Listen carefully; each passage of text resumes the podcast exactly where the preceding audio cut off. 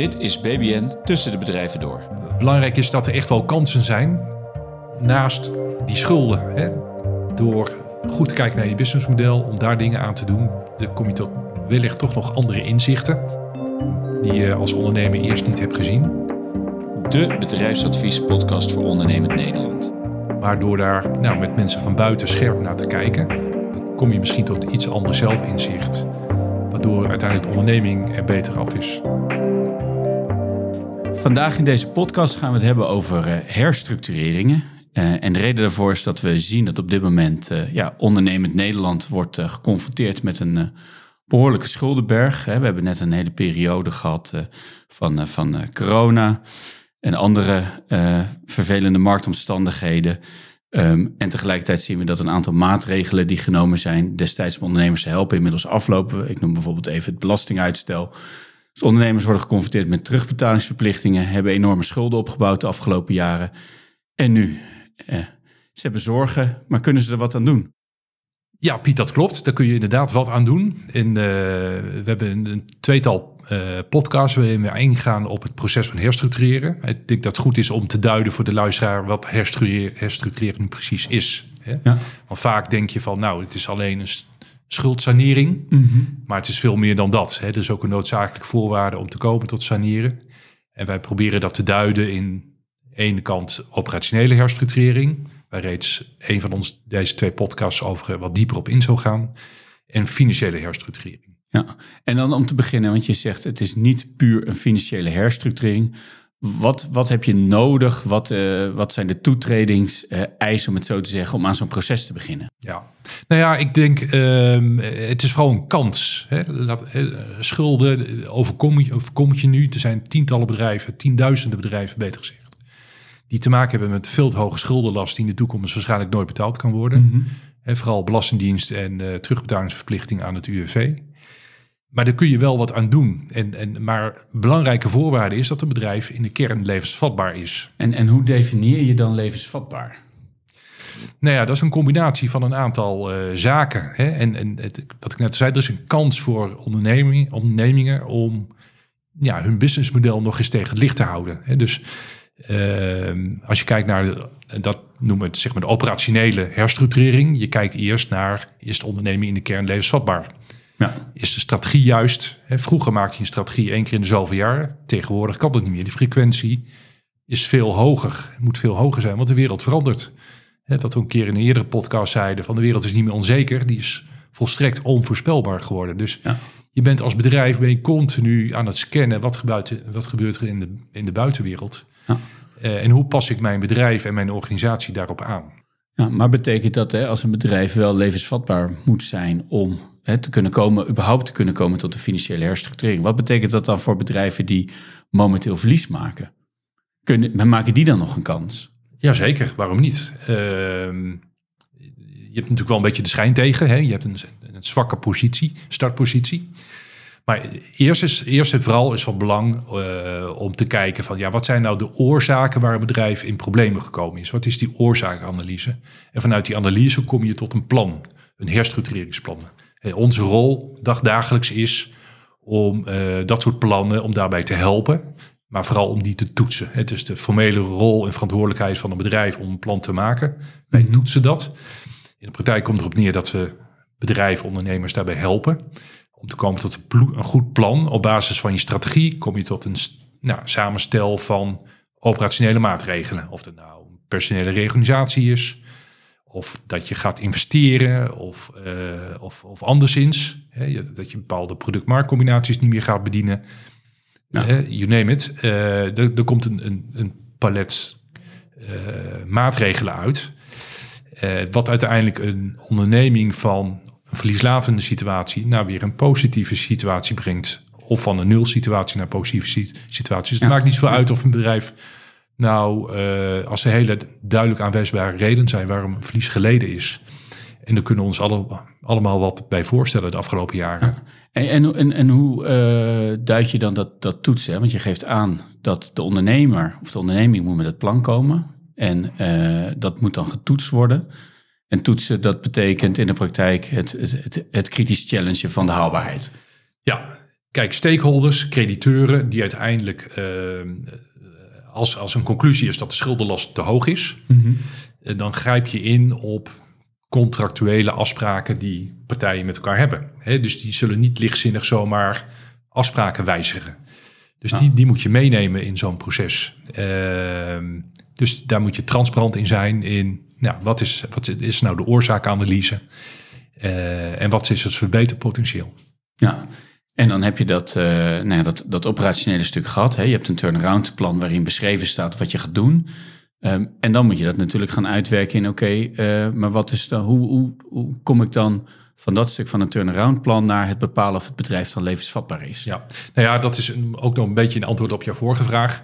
Kijk, dat zo'n plan moet gevalideerd worden, objectief gevalideerd. Uh, en dat, dat, is logisch, hè, want er zijn verschillende partijen daarbij betrokken die nou ja, dat objectief getoetst willen zien. Ja. Nou, als dat zo is, uh, dan neem je partijen daarin mee. We noemen dat stakeholder management. Dus je gaat partijen proactief informeren communicatielijnen open, niet verstoppen, ga naar partijen toe, ja. Uh, vertel de oorzaken van de problematiek. Ja, vertel het uh, eerlijke verhaal. Ja, ja, en ook wat de reële verwachting is hè, in het, naar de toekomst toe. Ja. Uh, en nou, als je, een van de uitkomsten kan zijn van zo'n nou ja, zeg maar turnaroundplan. Dat wordt dan ook financieel vertaald in prognoses voor de komende 24, 36 maanden. en als dan blijkt dat op basis van je huidige financiële afspraken je uiteindelijk niet aan je verplichtingen kan voldoen, ja, dan moet er wat gebeuren. Ja. Want dan loop je vast. Terwijl de onderneming in de kern misschien levensvatbaar is, operationeel ja. gezien. Hè, uh, maar dan, dan moet er wel wat aan je financiële framework gebeuren. Ja, dat want waar het dan eigenlijk op neerkomt is dat dat uh, turnaround plan, dat wordt ook vertaald in een financieel plan wat je aangeeft. Hè. Je hebt prognoses, daar komt een bepaalde verdiencapaciteit uit. En dat geeft aan of jij in hoeverre je in staat bent om schulden terug te betalen. Ja, exact. En dat traject, dat, dat merken wij heel duidelijk in praktijk bij uh, bedrijven waar we komen. Dat is echt iets extra's. Mm -hmm. hè, om je, en wat je, bedoel je met extra's? Nou ja, ik merk dat veel eh, mensen, ondernemers niet zien dat die, die zien de schuldenlast. Dat is natuurlijk mm -hmm. heel negatief. Dus ja. als een berg tegenop. Uh, maar je kunt ook wel iets positiefs halen uit deze situatie door nog eens uitermate kritisch. Dat is ook een noodzaak namelijk. Ja. En, en, en in die situatie kijk je nog kritischer naar je businessmodel. En naar Denk je, je dat, dat ondernemers aan het begin van een traject te veel gefocust zijn op de schuldenreductie en minder op het businessmodel? Dat zou kunnen. Ja, ik denk dat ze fragmentarisch daarnaar kunnen kijken. Ik bedoel, ik durf daar geen absolute uitspraak over te doen. Voor iedereen. Maar het is logisch dat je kijkt naar een schuldenberg uh, maar de een kan niet zonder de ander. Hè. Je kunt niet uh, financieel herstructureren zonder die levensvatbaarheid en operationele verbeteringen door te voeren. Ja, dat en is juist echt... die operationele verbeteringen die je uh, uitwerkt tijdens dat aantonen van die levensvatbaarheid, dat is dan eigenlijk die extra wat ondernemers ervaren. Correct, ja. ja. ja. ja. Oké, en dan, nou ja, dan, dan hebben ze die verdiencapaciteit, dus dan, dan, dan, dan zijn ze levensvatbaar, maar ze verdienen te weinig om hun schuldenlast te terug te betalen. En dan, hebben ze nog steeds problemen. Zo is het, ja. Ja. Dat klopt. Uh, maar goed, daar zijn, dan, dan kom je uh, wat wij noemen de financiële herstructurering. Ja. Je hebt het operationele stuk gehad. Je komt in problemen omdat je je, je verplichting niet kan, niet kan nakomen. En dan moet je nou ja, financieel gaan herstructureren. Nou, zijn er allerlei manieren. Hè, uh, van wat extra financiering aantrekken. Hè, ehm, als dat mogelijk is. Maar laten we vanuit gaan dat het allemaal niet mogelijk is. Een onderneming, laten we als voorbeeld nemen, een onderneming die verlieslatend is geweest in coronatijd. Negatief eigen vermogen. Uh, grotendeels gefinancierd door de Belastingdienst en het UWV. Misschien wat achterstanden bij handelscrediteuren. Dus daar met een, met een klein beetje extra krediet ga je het niet redden. je nee. moet daar echt wel uh, nou ja, fors iets in doen.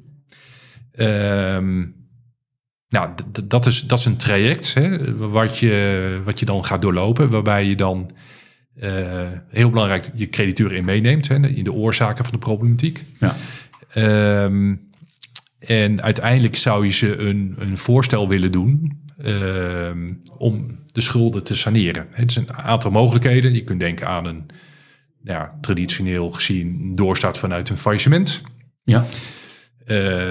Je kunt partijen benaderen, één op één, van ik, dit is mijn situatie. Ehm, ik heb een schuld van 100, kan ik niet betalen. Ik kan wel 50 betalen, neem je daar genoegen mee. Ehm, en je hebt sinds een paar jaar geleden natuurlijk ook de wet homologatie onderhandsakkoord. Mm Wat uh, dat proces wat ordentelijker uh, regelt. Hè, met, met, de juiste informatievoorziening en de juiste klassenindeling. Uh, en een rechtvaardig voorstel. Met een marginale rechtelijke toetsing daarbij. Um, om uit, uiteindelijk te komen tot een sanering van schulden. Ja. En is het dan aan het begin van het traject eigenlijk al duidelijk welk van die opties uh, het meest uh, haalbaar is? Of, of is dat, uh, ontstaan die oplossingen pas gedurende dat traject? Nee, dat laatste. Ik denk dat je altijd natuurlijk meerdere opties moet hebben. Ehm, om, um, ja, je moet uitgaan van meerdere opties. Eén is geen. Ehm, en je probeert in eerste instantie altijd, althans onze insteek, om in continuïteit onderhands met partijen tot een regeling te komen. Dat is denk ik het meest netjes. Uh, mocht dat niet lukken, dan heb je altijd de mogelijkheid van een WOA-akkoord nog uh, uh, boven de markt en, en die je kan gebruiken. Maar het mooiste is natuurlijk dat je partijen kan overtuigen op basis van argumenten, op basis van feiten.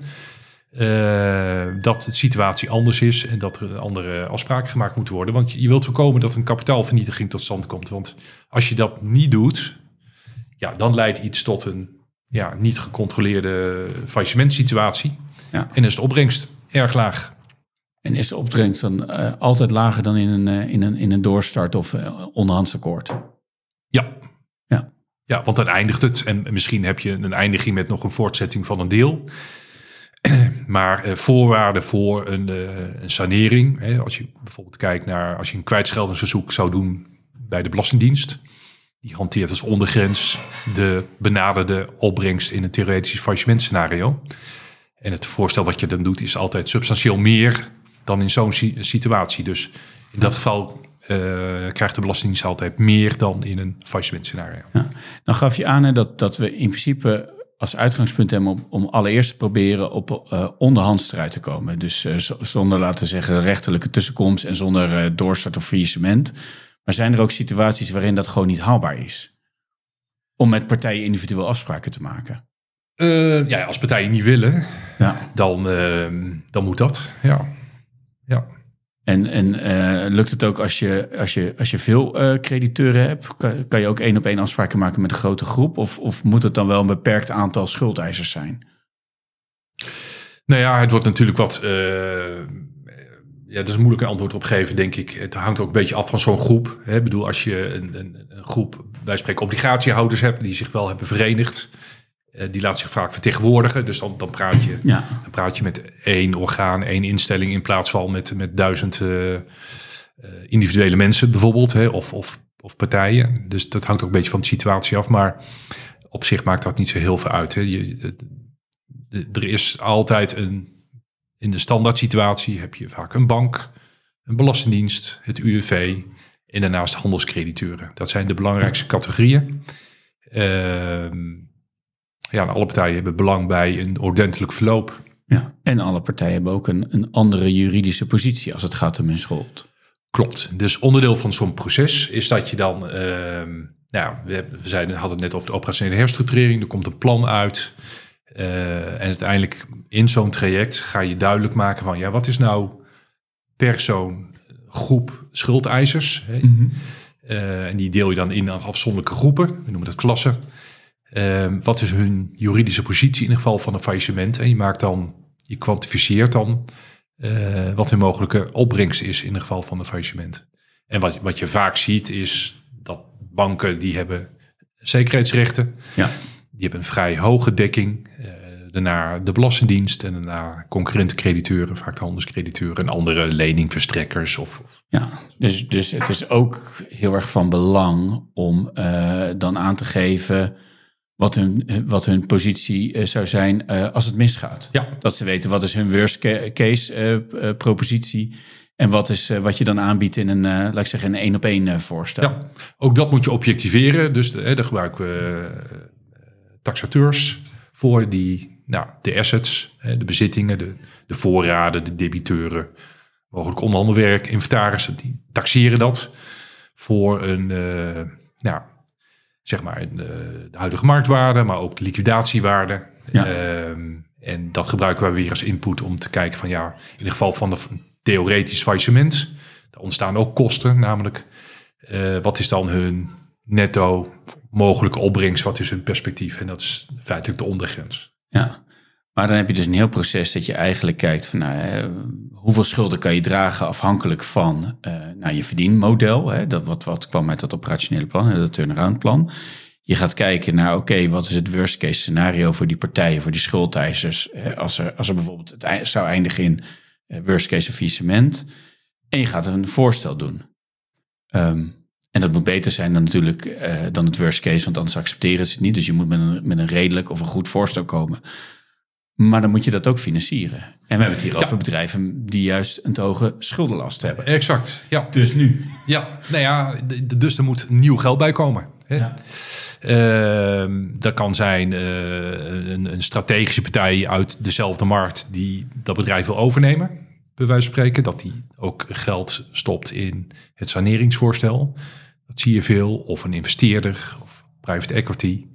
Het kan ook deels uit de onderneming zelf komen, uit de toekomstige verdiencapaciteit.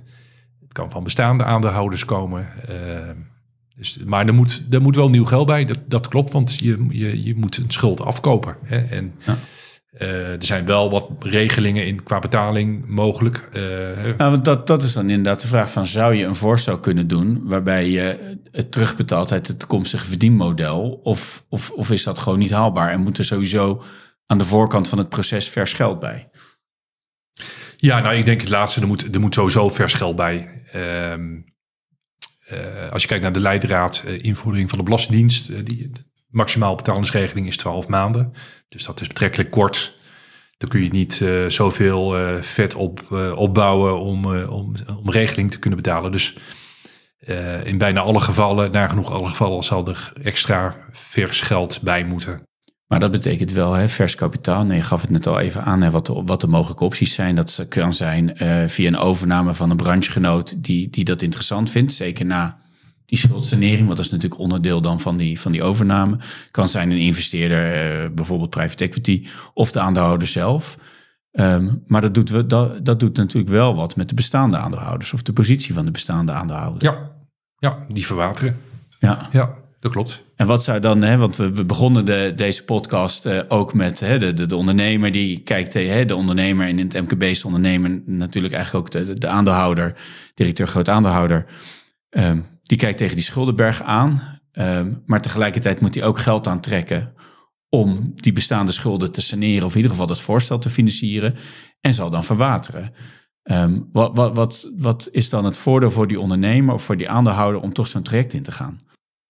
Nou ja, ik, ik, denk voor die ondernemer of aandeelhouder, die, die, die, die, moet, die heeft natuurlijk, die kijkt naar zijn eigen belang. Hè, dus dat is logisch. Uh, maar ik denk dat het vooral van belang is om naar het belang van de onderneming te kijken. Hè, wat, is, wat is goed voor de onderneming? Hè? In, in het begin zeiden van nou, een typische situatie is een bedrijf is negatief vermogen, feitelijk technisch failliet, hoge schuldenlast mm -hmm. uh, bij Belastingdienst, UWV uh, en handelscrediteuren. Uh, dus het hangt ook maar helemaal af van de oorzaakanalyse. Kijk, stel de ondernemer is, het is totaal uh, niks te verwijten. Ehm, ja, dat is een andere situatie als, als, als interne oorzaken een onderdeel zijn of een wezenlijk onderdeel zijn van de problematiek. Ehm, dus dat moet je toch per situatie opnieuw duiden wat, wat de oorzaken zijn. Uh, en daaruit volgt het plan, maar ook een stukje ja, hoe je het kan financieren en wat, wat rechtvaardig is. Ja, en wat is ook de positie van diezelfde aandeelhouder? Of die... Ja, het is, het is niet zo van we gaan even een streep door de schulden uh, trekken en we gaan over tot de orde van de dag. Dat, dat, dat pikt natuurlijk niemand, laten we wel wezen. En dat, is, nee. dat zou maatschappelijk ook onverantwoord zijn en daar is het ook niet voor bedoeld. En misschien nog een klein stapje naar de WOA, zullen we het niet uitgebreid nu over hebben. Ik refereer wel even naar het kennisplatform uh, WOA, hè, alles over WOA.nl, waarin we als bureau ook uh, actief deelnemen. Ja. Uh, waar ook trouwens een, een, een mooie podcastserie aan het maken zijn. Waard, ja. Met verschillende doelgroepen. Hè. niet alleen de ondernemer, maar ook de rechterlijke macht, ook de Belastingdienst, ook een Nou, ondernemer. Misschien, eh, misschien inderdaad wel goed om daar even bij stil te staan. Want eh, we hebben het natuurlijk over allerlei de posities van schuldeisers, eh, de positie van, van de ondernemer, van de aandeelhouders. Kijk, het is natuurlijk niet alleen een bedrijfskundig project of traject. Het is natuurlijk ook een, een juridisch traject. Je hebt het al gehad over taxateurs die nodig zijn hè, om, om assets te waarderen. Eh, ja, het is, het, is, het is niet één eh, kerncompetentie die nodig is om dit te doen. Nee, het is een multidisciplinaire aanpak. Dus Ja. eh, wij werken ook altijd samen met eh, experts op insolventiegebied, hè, insolventieadvocaten. Eh trek altijd samen op in dit soort trajecten. Want het is en bedrijfskundig, en financieel, en juridisch, en stakeholder management, en een hoop emotie. Dat hoort Ja. allemaal bij. Dus strakke regie. Maar ehm, belangrijk is dat er echt wel kansen zijn. eh, Naast die schulden. Hè, door goed te kijken naar je businessmodel, om daar dingen aan te doen, dan kom je tot wellicht toch nog andere inzichten. ehm, die je als ondernemer eerst niet hebt gezien. Maar door daar nou, met mensen van buiten scherp naar te kijken, eh, kom je misschien tot iets ander zelfinzicht. Waardoor uiteindelijk de onderneming er beter af is. Ja. En uiteindelijk, ondanks de verwaterde positie, de aandeelhouder ook. Ja, want ons typische casus wat we net bespraken, ondernemer eh, vermogen ver onder water, ja, dan, dan ja, we hoeven daar niet over door te studeren. Dan is de waarde denk ik nul. Ja. Eh, en als er dan bij wijze van spreken een miljoen in moet aan nieuw geld, ja, dan is dat ook de waarde. Dus een, het, het nieuwe geld ja, heeft dan feitelijk 100% van de aandelen. Even simpel eh, verteld. Maar het kan best zijn dat, dat de onderneming niet kan zonder oude aandeelhouders of zonder belangrijke sleutelfunctionarissen. Of, en dan partijen die dan instappen, ja, die, ja, die, die zien dat natuurlijk ook. Die zien ook dat, dat misschien het oude management heel belangrijk is. Dus je komt dan altijd wel tot bepaalde afspraken waardoor nou, dat weer in balans komt. Hè, waardoor er misschien toch weer een minderheidsaandeel beschikbaar is voor het oude management of de oude aandeelhouders of nieuwe sleutelfunctionarissen. Eh, maar dat is natuurlijk geheel per casus, per situatie afhankelijk. Ja, ja. Dus dan eh, terugkomend op eh, de inleiding van deze podcast. Hè, ondernemers die geconfronteerd worden met hoge schulden. Ja, die kijken daar eh, enorm tegen op. Maar er zijn oplossingen. eh, en eh, het biedt zeker ook kansen voor hun om weer met een opgeschoond bedrijf eh, door te kunnen. Ehm dankjewel voor deze toelichting.